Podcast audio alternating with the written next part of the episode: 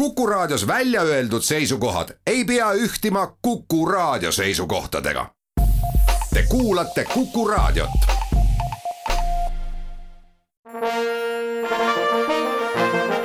Vanemuise veerand tere kõigile teile, head Kuku raadio kuulajad. seekord on saates külas kaks Vanemuise ooperi solisti. tere, Merle Jalakas. tere. tere, Rasmus Kull. tere. mina olen saatejuht Tiia Rööp. Saates me võib-olla jõuame rääkida ka ooperitest, aga enne seda, kõigepealt alustuseks, tahaks rääkida muusikalist, muusikalist, mis esietendub pea kuu aja pärast, natuke vähem kui kuu aja pärast, kahekümne kaheksandal novembril Vanemuise suures majas, see on muusikal Nunnad hoos. Te mõlemad osalete selles muusikalis. jah jah, muidu me siin ei oleks vist ega. jah, muidu ei oleks kutsutud, eks ole. ma oletan, et sina, Merle, oled ähm, Nunna kloostri ülemõde. õige, täpselt õieti arvatud ja ülemõde jah, see on nüüd väga tore roll. Võiks sellest tulla, tööd on muidugi teha sellega. Ja noh, selline hea pähkel nüüd jälle pureda üle pika aja, noh, viimane selline suurem läbitüki närimine oli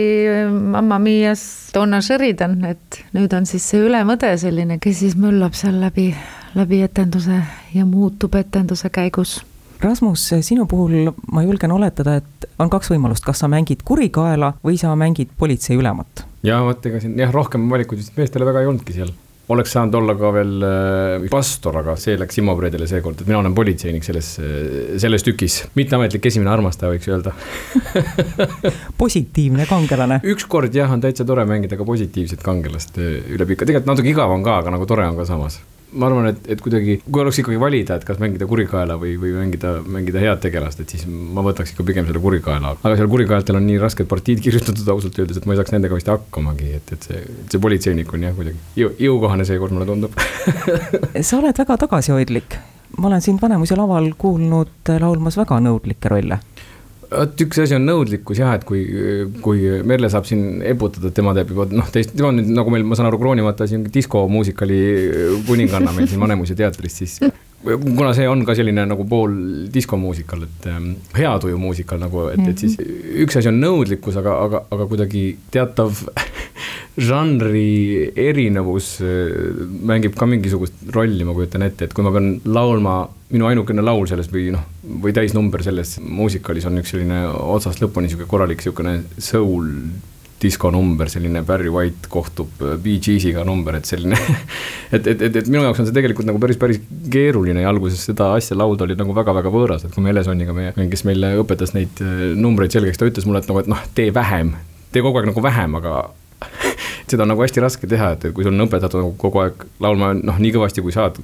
võimalik ja siis kuidagi selle kallal töötama, et siis kuidagi alati see mikrofoniga laulmine on mingit pidi võõras ja siis, kui antakse veel žanr nagu, nagu seda on see noh, diskomuusikal on nagu nõme öelda selle kohta, aga kuidagi selline show muusikal, et siis ma natuke jah, mingid, ma tunnen, et mingid tööriistad jäävad jäävad nagu mingit pidi vajaka, et Merlel on selles mõttes nagu vedanud, et, et Merle saab kuidagi nagu klassikalisemat muusikali muusikat seal laulda minu meelest, vähemalt minu kõrvale mm. tundub niimoodi no hea, kui tundub.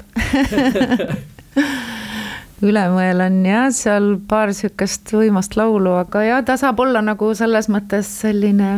nagu minuealine inimene, vanem daam ta ei pea väga tantsima, ta ei pea osa võtma sellisest suurest melust, tema on see viimane nagu selline nii-öelda tagurlik inimene selles etenduses. ilmselt, kelle poolt äh, publik kindlasti ei hakka olema, sest publik kindlasti on Delorise poolt ja Ülemõde on selline nii-öelda pahategelane, kes seda, kes seda kõike asja nagu segab ja, aga no Ülemõel on jälle omad põhjused, temal on oma maailm, kuhu see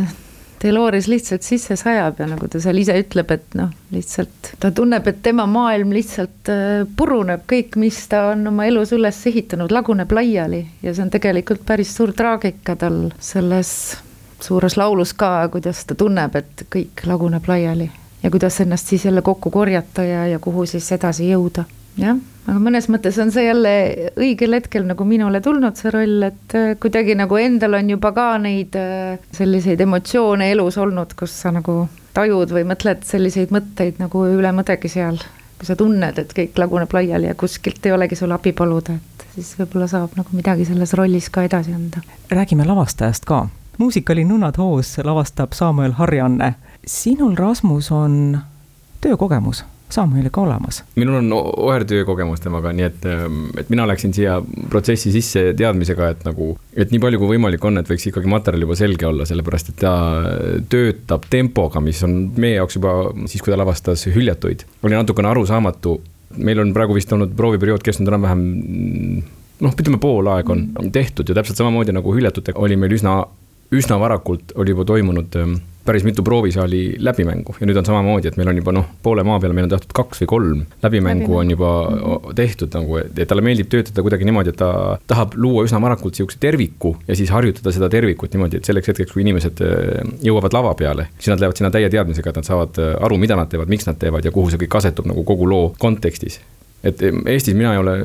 ühegi teise lavastajaga niimoodi, tavaliselt on niimoodi, et, et viimasel nädalal, kui jõutakse ühe läbimänguni, kahe läbimänguni, kolme läbimänguni oleks juba nagu, nagu, nagu fantastiline. aga täpselt noh, et hüljatutega oli niimoodi, et me oleks võinud juba selle tüki, millega me lõpetasime proovisaalis, me oleks võinud juba proovisaalis nagu müüa pileteid, sellepärast et see oli juba kuidagi emotsionaalselt ja, ja, ja tehniliselt nagu nii tugev lavastus, et praegu nunnadega me nii kaugel veel ei ole, kui me hüljatutega olime tookord. aga, aga ikkagi see, et see läbimängutunne on juba nagu tehtud, et me teame, kus, mida on vaja parandada ja, ja kuidas seda parandada, et selleks hetkeks, kui me jõuame mingi lavale, et siis on noh, siis me hakkame sealt nagu teistsugust tööd tegema, seda tehnilist tööd, et kuidas see juba siis nagu kõikide muude osakondadega kokku peaks sobima, et ma ei tea, kuidas Merlele, Merlele see tundub, et temal on see esmakordselt, et võib-olla tal on huvitavam nagu rääkida sellest kogemusest.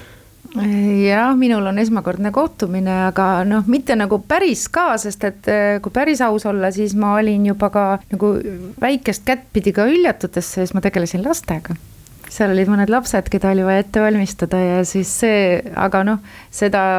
lavalist kogemust mul ei olnud lavastajaga nüüd, nüüd olles tema proovides, tõesti, ma pean ütlema, et ta on väga-väga kiire lavastaja, noh tõesti. et kakskümmend viis aastat teatris, mis ma olen olnud, ma vaatan ka suurte silmadega, kui kiiresti see töö käib ja kuidas ja ta on nii intensiivne ja ta ise on nii energiline, see on nagu uskumatu ka nagu soomlasest inimese puhul ta on ju soomlane, et nagu mõtled, et võiks olla nagu meiega sama grupp, et me ikkagi nagu ka tuleme niimoodi rahulikult proovi ja käivitume rahulikult ja nii, aga. aga ta võtab kohe nagu sada protsenti, isegi ma tunnen, et ta võtab seal proovisaalis nagu sada kümme protsenti tahab sust saada kohe ja iga kord